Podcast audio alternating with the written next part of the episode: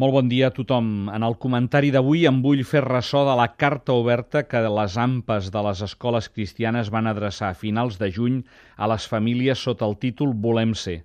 Es tracta de la carta que Josep Maria Romagosa, com a president de la Confederació Cristiana d'Associacions de Mares i Pares d'Alumnes de Catalunya, va fer pública com una reflexió després de veure com s'està de maltractada l'escola religiosa.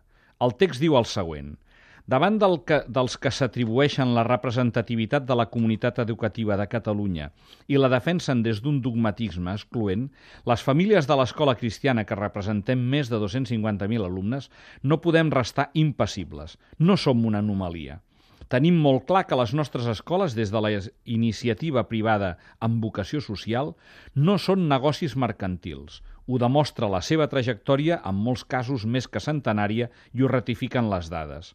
Això no és un negoci. No som segregadors. Al contrari, ens hem sentit discriminats. No es compleix allò que estableix la llei d'educació de Catalunya en el sentit que tots els centres han de disposar d'un finançament suficient i d'una dotació de recursos adequada en un marc, avui falsejat, d'universalització de l'educació gratuïta i això obliga les famílies a realitzar contribucions per sostenir el funcionament de les escoles, tot perjudicant el desitjat principi d'equitat que requereix d'un sistema en què el finançament estigui garantit per totes les famílies en condicions d'igualtat. Així doncs, les famílies en són víctimes. Amb els nostres impostos i els nostres recursos contribuïm al sosteniment del sistema tant públic com concertat i a sobre hem de contribuir al sosteniment de les nostres escoles.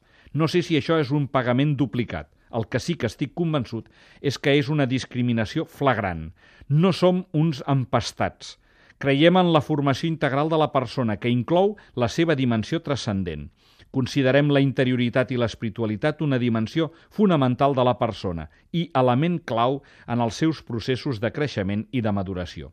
No tenim cap monopoli, ni veritat absoluta només el nostre convenciment i la nostra fe.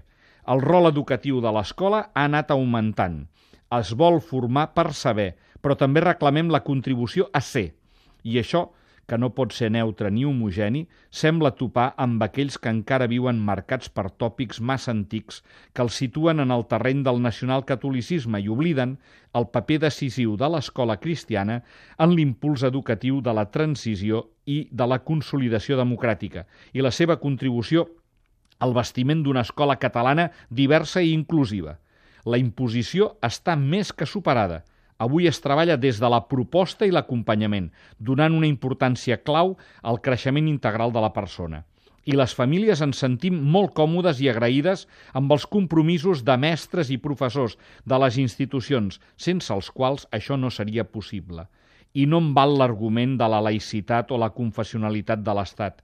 Una laïcitat no ha de ser restrictiva ni excloent, sinó oberta a la diversitat la confessionalitat de l'Estat mai no pot implicar la confessionalitat obligatòria de les persones. Al contrari, entenc que implica una neutralitat activa, posant-se a disposició dels ciutadans en la garantia dels seus drets i reconeixent, en aquest cas, la importància que pot tenir la vivència d'aquella dimensió espiritual protegint la llibertat religiosa i de consciència. Pel que fa a la relació amb l'administració, Josep Maria Romagosa diu «No som subsidiaris. Estem convençuts que l'administració no pot pretendre controlar-ho tot, amb un model on només allò públic és bo i està ben gestionat, mentre menys preant el valor social de la iniciativa privada. No creiem que l'administració hagi de monopolitzar l'educació ni penalitzar les iniciatives que sumen. Creiem en una administració que fomenta i aprofita la riquesa de les iniciatives de la seva gent i del seu teixit social, que a partir de la seva singularitat doten al conjunt, la comunitat, d'una pluralitat que l'enriqueix.